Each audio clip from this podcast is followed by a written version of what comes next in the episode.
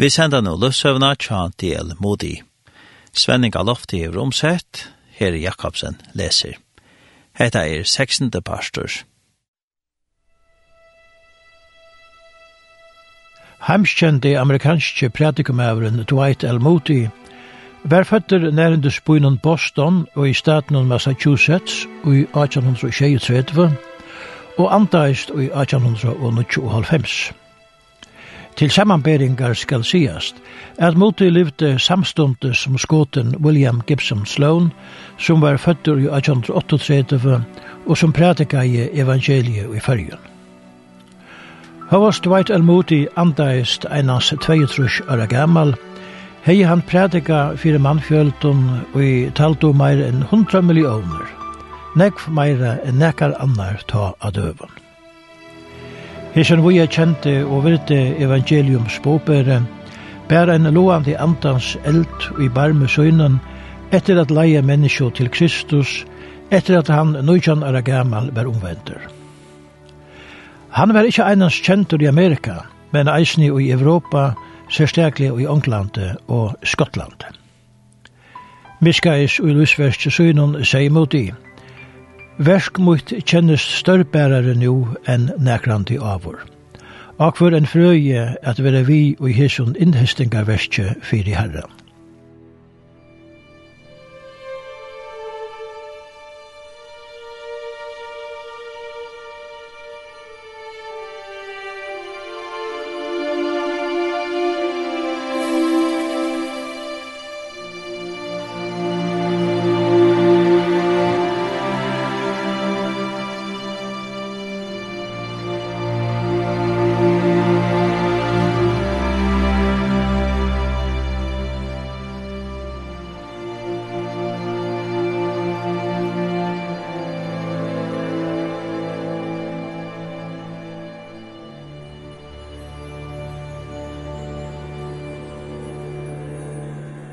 Og i personen fem undan var greit fra at Del Moti og sangaren Eira Sanki feravust kring Skottland.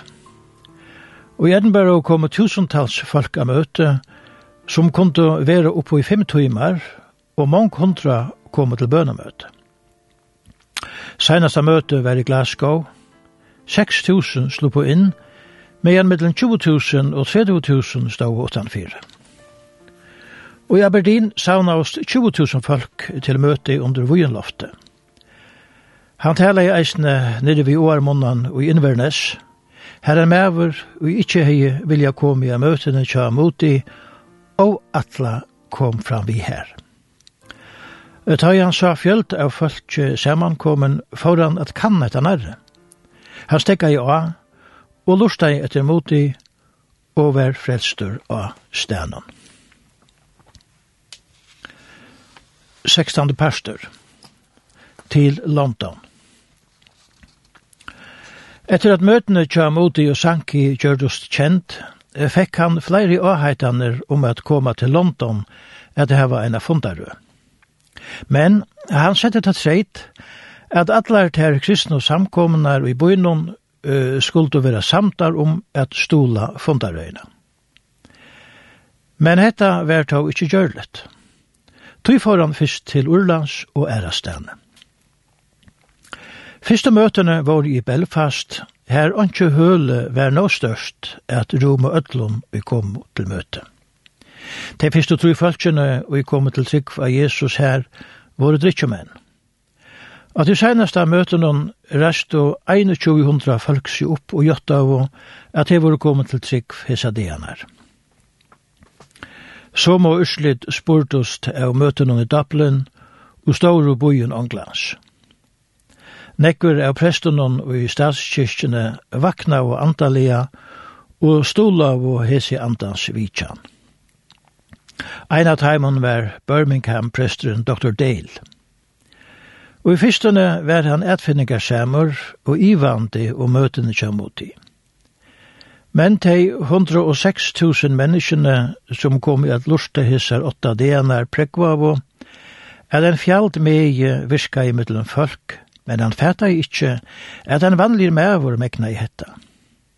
Han får til moti og sier vi han, at alt hetta måtte være fra gode, tog han kunde ikkje finna nekra æra og sjuk og imot i sjolvun, at slug uslut kunde spyrjast bostur ur. Moti flenti og sier, at det er herma han om nekka anna vær årsøkjen. Mennesker av okkon kunne hans prætika så moti om god hei gjort okkon og vit haft samme heppne som han, sier presteren. Sætne vidtjekk presteren at han var færre skaiver. Han sa at moti prætika i gods treidaleis og nai vi sérstakare kraft og at i glede hans er at prætika gledebåskapen om Jesus var hotekant. Menneskje tuste ut ur syndamyskunnen og inn i Guds ljós og levde som bøten ljósens etter tande. Og Liverpool var ein samkomme høytel bygd og kunne teka 20.000 folk. Her leita over fjölder av folkje, beivaksen og bøten. Einar for våre 12.000 sauna til bønamøte i at høyre mot i og sanki. Ein sunn der kom 6.000 til bibelundervisning, og 20.000 kom saman til møte om kvöldet.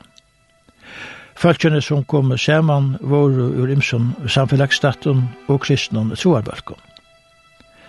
Etter at Moti og Sanki var ferner, kom Henry Drummond her og helt fram vid møtene. Begge han personlige og taler hans herra høyde størst antallet årin av ungdomennene her.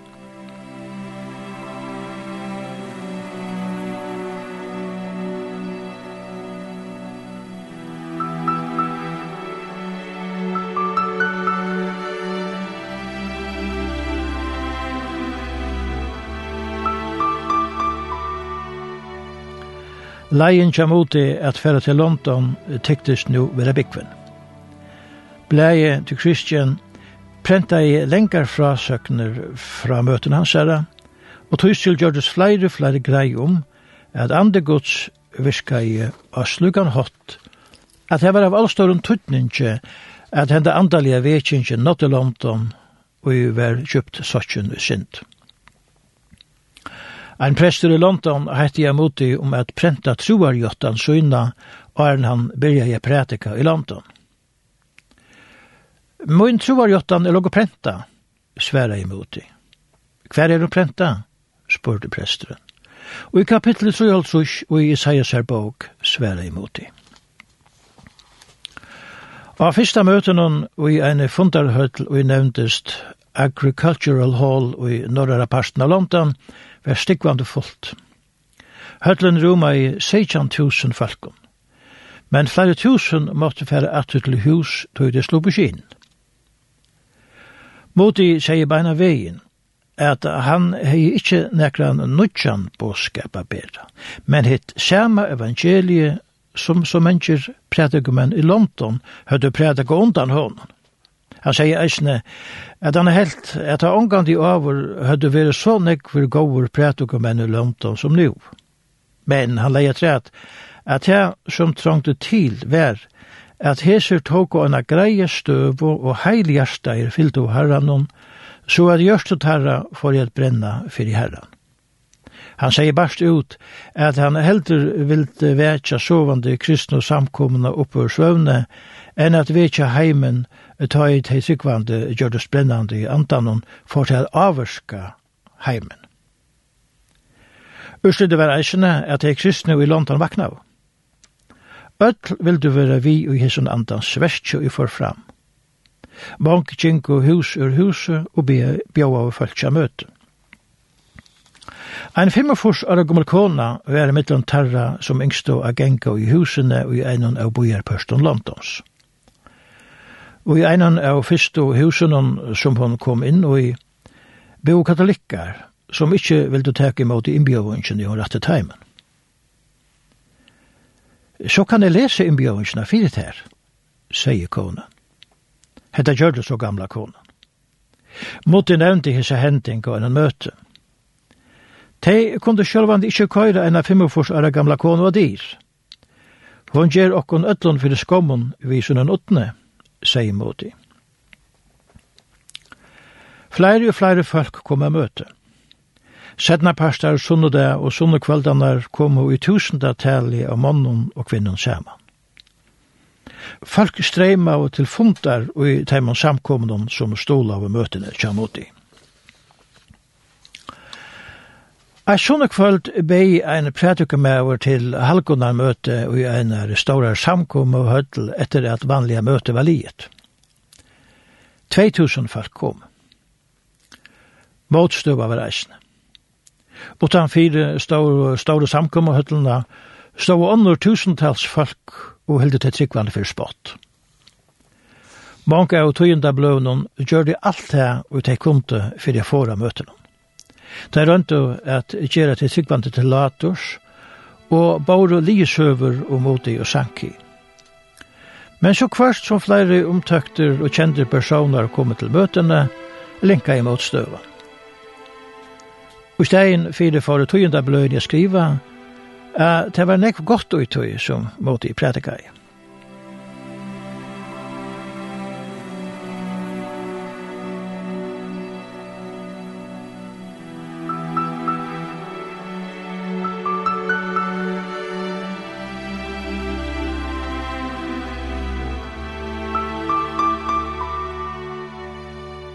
Moti og Sanki hadde jeg eisne møte i en høle i estara parten av London. Moti omrøtte hetta steg såleis.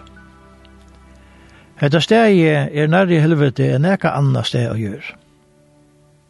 Hetta var i en timperhus og i våre kløtt ved jattene. Sævesbøner våre strøttar av mølgolvet. Her var det 90.000 stålar, men mange måtte standa og lurste til båskapen og tjamotig skriftår vi stauren bokstaven hinko av vetsjene. Bare møtene byrja av å være høtlen stikkvande fotla føltse. Bank av utskåten bojarens var jeg møte. Einfalda og greia talan tja moti og sanjene tja sanki høtte mykje arin av hese menneske. Men moti tala ikkje einas fyrir temfatak og utskåten samfellagsens, så menneske lattliga dømte. Han visste vel at at han fyrir fagru utskjöndina av fölkje kunde fjæla seg eit tørvandi og vondlest menneska. Tui hei han eisne møte i vestara parste i London, her rukfolk boe. Hese møte var det settna parste av deg og i kongalega operahusen. Her kom tusentals folk av betra slæna. Tarra mittlen kjente enskje politikaren og forsadesraharen William Gladstone, som levde fra 1890 til 1898, og Shaftesbury Lorter, som sier at det var godt at Moti ikkje var utbyggving, utbyggving av lærte høskolen i Oxford, tog så hei han evan kunngjørt evangeliet så einfalt og mått mykje. Omframt Henry Drummond, professora, var eisne kjente predikamævren Charles Spurgeon, mittlen terra og i stola av moti, som fikk høve, høve jeg tala og i samkom i høtlen til Spurgeon og i var kalla for taberrakle. Av de senaste møtene til moti var jo hundratals av fremste månen Londons, som av heilon hova stola av møtene til moti. Ein tarra restes seg opp at takka gode fyrir hisa fyra manainar, Hetta var Sjarsbøri Lorter, Vi var han som mot i verbien om at takka for Govo Laslo hans herra. Jeg var en møte ta imot i første fyr vær og i London. Til ferina så mot ikkje nekra årsøk til at takka hese mannen for fundarlæslene. Nå helt hessen Sammy Shaftesbury heldur ikkje at her var nokre årsøk til at takka mot jo Sanki, men gode, som har sendt hese boar menn til Ånglands. Tver og en halv million menneskje høyde veri av møten om Tjamoti og Sanki hisser fyra manneinar, og i tær høyde vitja i Skottlandet, Anglande og Urlandet. Vitjanen tja Moti og Sanki hei luvka og styrst teitsikvandi i trunne.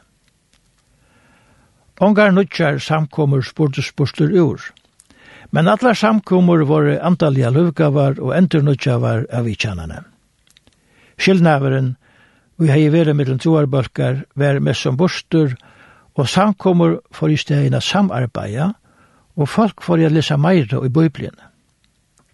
Nekv visseme og nokjer hatter at boa evangeliet så dagsens ljós, og frahalsrørslan vaks. Nekver prestar måtte nå bodja seg fire, at god kunde nøyta ålært folk til antallig størversk, ikkje einans i forum vi stendurnar av Genesaret vattnen i Galilea, men eisne i det kring Atlan heimen.